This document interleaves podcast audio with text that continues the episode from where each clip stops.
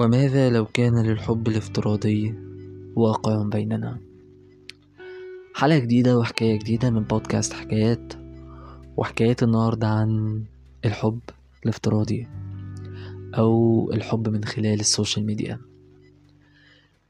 ممكن يكون في يوم من الأيام قابلت إنسان حسيت إن هو ده أفضل إنسان في حياتك ولكنه مش في واقعك الحقيقي. ممكن يكون على الإنترنت.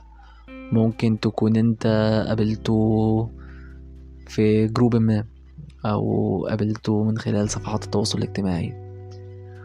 أسئلة كتيرة جدا وقتها بتدور في ذهنك عن مدى نجاحك في علاقتك مع الطرف التاني. وبتفضل تسأل نفسك أسئلة كتير هل العلاقة دي ممكن تنجح؟ هل العلاقة دي ممكن تفشل؟ وممكن تسأل الناس اللي حواليك وتلاقي إن الإجابات أغلبها بتقولك لأ. مع العلم وفي حالات نادرة جدا ممكن العلاقة دي تنجح لأبعد الحدود.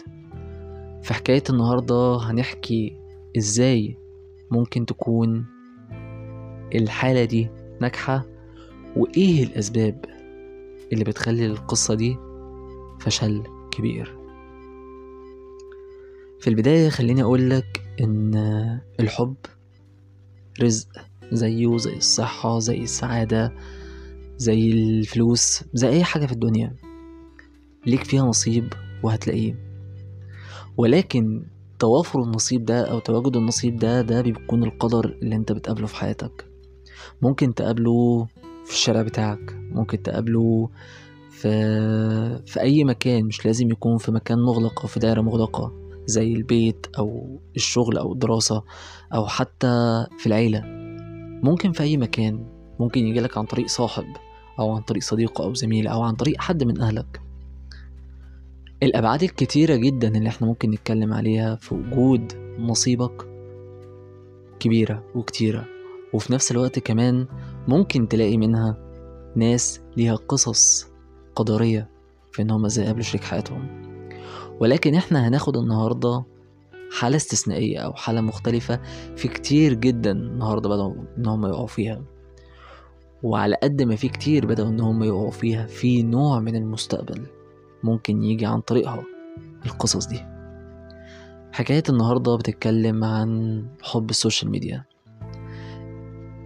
لو افترضنا في يوم من الأيام إن أنت على جروب ما في صفحات التواصل الاجتماعي أو في إحدى المواقع واكتشفت إن في شخص قدر إن هو يعبر عن رأيه أو عن ردود أفعاله بطريقة شدت انتباهك. شخصية عادية جدا. كلامها بس هو اللي قدر إن هو يثير انتباهك.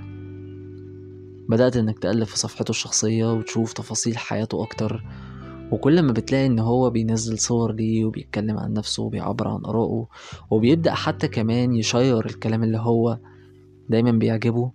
دايما ده بيقربك لحالة الواقعية للشخصية دي أو حالة التفكير المنطقي اللي بيفكر بيها الشخص ده. بالوقت بتقرر إنك تتعرف عليه ولو كان في انجذاب من الطرف التاني كمان بتلاقي نفسك كمان هو بيتعرف عليك وعايز يعرفك أكتر. بمرور الوقت بتلاقي إن ما بينكم في كلام بدأ يدور في علاقة بدأت تنشأ وبتبدأ تسأل نفسك السؤال يا ترى لو كملنا إيه اللي ممكن يحصل؟ في حالات نادرة جدا لو فكرت بالأبعاد اللي تقولك إن الشخص ده ينفع إنه يكمل معاك؟ هتلاقي دايما إن أبعادك ممكن بنسبة كبيرة جدا تكون صح ووارد جدا تكون بنسبة كبيرة غلط. طب إيه الأسباب اللي ممكن تخليها صح وإيه الأسباب اللي تخليها غلط؟ دي ترجع لمدى معرفتك بالشخص. أول حاجة لازم تكون عارف كويس جدا مدى صراحة الشخص اللي قدامك ومدى وضوحه معاك.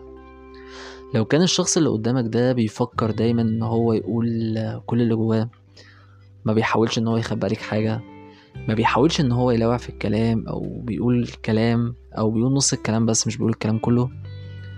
ده هيخلي نوع من الوضوح قدامك إن أنت قادر إنك تقرأ الشخصية دي كويس قادر إنك تقرأ أبعادها وقادر إنك تقرأ تفاصيلها زي ما بتكون بتقرأ كتاب مفتوح عن شخصية ما. بيبقى سهل جدا إنك تعرف ماضيه تشوف الحاضر اللي موجود معاه تقدر تتنبأ بمستقبله لأن هو مكدبش عليك في أي حاجة. وطول ما الشخص اللي قدامك انت قادر ان انت تقرا توقعاته بالشكل الصح طول ما انت هتبقى قادر انك تبقى قريب من الشخص ده بنسبة مية في المية. فلو ما كانش هو واضح معاك من البداية صدقني الشخص ده ما ينفعش انك تثق فيه مهما كان. السبب التاني ما بعد الوضوح الأسئلة المباشرة. كل ما انت بتقدر انك تتعرف على الشخص اللي قدامك من خلال الأسئلة ومن خلال إن هو كمان بيديلك رد من ردود أفعال وقدرتوا إن أنتوا تخشوا من خلال الأسئلة دي في علاقة عميقة. أو زي ما بيقولوا كده هو انت بدأت تتكلم في محادثة جدلية طويلة بدأتوا انكم تناقشوا بعض بدأتوا انكم تشوفوا أفكار بعض. ده بيدي لبعضكم نوع من أنواع الإدراك أو نوع من أنواع التواصل الحسي. انت قادر فيما بعد ان انت تكمل مع الشخص ده من خلال كلامه معاك. مش هيفرق كلامه معاك وقتها لو كان كلام نصي أو كلام من خلال محادثة صوتية أو حتى لو كنتوا بتتكلموا عن طريق الفيديو. كل حاجة انت بتعملها معاه انت متأكد ان في شخص قدامك قادر ان هو يقولك الحقيقة من غير ما يخبيها عنك. السبب التالت ان هو قدر ان هو يعرفك بكل جوانب حياته. لو هو مثلا بيكلمك وهو قاعد في الشغل أو هو بيكلمك وهو قاعد في البيت أو بيكلمك وهو موجود في الشارع كل تفاصيل حياته انت بتبقى قادر إنك تدركها معاه هو بيعمل إيه وفين وإزاي. فكل ما أنت كنت أقرب للشخص كل ما كنت أقرب بمحادثتك معاه كل ما كنت أنت أقرب ليه في معرفة تفاصيل حياته بالأكتر وكذلك يكون الموضوع ده متبادل ما بينك وما بينه سهل جدا إن العلاقة دي تنجح طالما في شيء من المصداقية كانت بينك وما بينه. ولكن دايما بتبقى المشاكل أو التخوفات مش من الطرفين اللي بيتقابلوا وبيكونوا العلاقة الجميلة دي. لأن إحنا في الأول وفي الآخر محناش مجتمع غربي سهل إن أي اتنين فيه يتقابلوا ويعيشوا مع بعض في مكان بعيد جدا عن أسرهم. إحنا طبيعتنا وثقافة مجتمعنا بتخلي الموضوع هنا يفرق كتير جدا.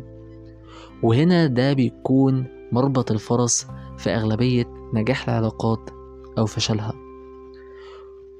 السبب الأول والرئيسي في أي علاقة ناجحة هو الارتباط الدائم اللي دايما يخلينا مع بعض مهما طال العمر. ولكن بتكون المشكلة مش في عملية الارتباط الدائم دي. في حاجة من تلاتة أنت ممكن تعملها بمجرد ما تلاقي شريك مناسب ليك افتراضيا. الحاجة الأولى إن أنت ممكن تحدد علاقتك بيه من البداية. لو أنتوا هتبقوا صحاب بس فأنتوا صحاب بس مدى الحياة. لو أنتوا عندكم أي مرحلة أو أي دافع إن أنتوا تكملوا ما دون الصداقة سهل جدا إن أنتوا تاخدوا النقطة الجاية دي أو تاخدوا الخطوة الجاية دي ولكن بشرط إن كل واحد يكون عارف تمن الخطوة دي كويس قوي إن هيبقى وراها مسؤولية إن هيبقى وراها حمل كبير جدا إن وراها كمان أسر هيتم تعرفهم ببعض. وهل هيكون عندهم نفس المنطق إن هم يقدروا إن هم يتقبلوا الفكرة دي أو لأ؟ السبب التالت أو النقطة التالتة مش بس إن أنت بتكون عارف حدودك معاه أو إن أنت لو قررت إنك تاخد خطوة معاه أو لأ لا قدر الله لو حصل أي حاجة خليكم إنكم ما تعرفوش بعض تاني وليكن على أبسط الأمثلة إن النت لو قطع عند واحد فيكم إيه اللي هتعملوه؟ دايما لازم يكون عندكم الحلول البديلة انكم تقدروا توصلوا لبعض. لأن لو في أي ضلع من اضلاع المثلث ده فشلت أو وقعت صدقني العلاقة دي مش هتكمل. أسباب فشل العلاقة دي ممكن يجي على حاجات بسيطة جدا. ابسطها إن أنت ممكن تكون متوقع شخص بشيء إيجابي جدا وفجأة تتحول الإيجابية دي للعكس. زي شخص ممكن يكون بيحاول إن هو يصور لك نفسه إن هو ملاك نزل من السماء وفجأة تلاقيه أسوأ إنسان على الأرض. أسباب كتيرة جدا ممكن تخلي العلاقة ديت ممكن ما تنجحش زي المسافات الطويلة. مفيش حد فينا عنده الاستعداد إن هو يفضل رابط نفسه افتراضيا بشخص ما على مسافات بعيدة حتى لو كان سهل جدا إنه يوصله لكن مش هيفضل طول الوقت عايش من غير ما يشوفه.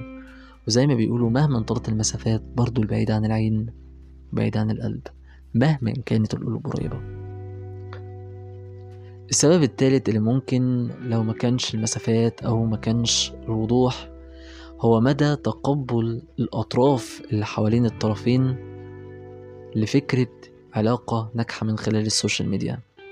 المسافات بتولد ثقافات مختلفة بتولد عادات مختلفة بتولد أفكار مختلفة. إن كان الطرفين قادرين إن هم يتواصلوا مع الناس اللي حواليهم بثقافتهم فده نتيجة إن الاتنين قدروا يتبادلوا وجهات النظر مع بعض. لكن الأطراف الرئيسية زي الأهل الأصحاب الأسرة المجتمع اللي حواليه ممكن ما يتقبلش الفكرة لأن الأبعاد والثقافة اللي ما بين الطرفين دي ممكن يكون ليها أسباب كتيرة جدا تخلي القبول صعب. وده في حالة إن إحنا قررنا إن إحنا ناخد خطوات رسمية من خلال ال social media. في حكايات كتيرة جدا ممكن تقول إن في ناس كانت ناجحة جدا من خلال حب ال social media. وفي حاجات أكتر ممكن تقول إن لعدم المصداقية أو الحب اللي كان قدام الكاميرا أو اللي من ورا الشاشات عن طريق الكتابة مش مبين كل الحقيقة. أنت مش موجود معاه في نفس البيت مع بعض. أنت بتسمع بس صوته. أنت مش موجود معاه في نفس الشارع. فمش شايف شكله هو ماشي إزاي. أنت مش معاه على القهوة عشان تعرف هو بيشرب إيه أو بيتعامل مع الناس اللي حواليه إزاي. ولا أنت معاه في الشغل عشان تقدر تحكم عليه. إذا كان هو فعلا شخص كويس زي ما بيقولك لا. حجم الثقة المتبادلة اللي ما بينك وما بينه هو اللي بيحكم على نجاح العلاقة أو لأ.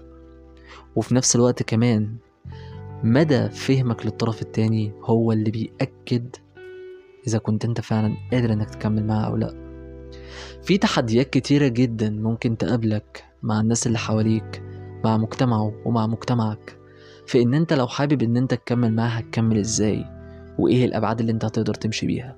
ولو أنت عندك القدرة والمسؤولية الكافية إن أنت تشيل شريك حياتك على كفوف الراحة وتقدر تكون مسؤول عنه مهما طال العمر صدقني في التوقيت ده هتكون علاقتك مش بس على ال social media ده في حياتك كلها قادرة إنها تنجح وتكمل كمان. أعرف كويس إن الحب رزق وإن النصيب رزق وأي حاجة بتحصل قدامك في حياتك سواء كانت صدفة أو قدر فهو اختيار وتدبير. جالك من عند ربنا ليك أنت وبس. فحاول دايما تحسن الاختيار سواء كان في واقعك أو حتى في الافتراض. وافهم كويس جدا إن أنت لو قادر تكون مسؤول بالدرجة الأولى مش هيفرق معاك المكان ونصيبك هيصيبك مهما طال الزمان. بتمنى لك كل الخير بتمنى لك كل السعادة. ويا رب تعرف توصل اللي بتتمناه وتلاقي شريك حياتك اللي يعيش معاك لباقي العمر. أنا محمود جمال وأنت بتسمع بودكاست حكايات.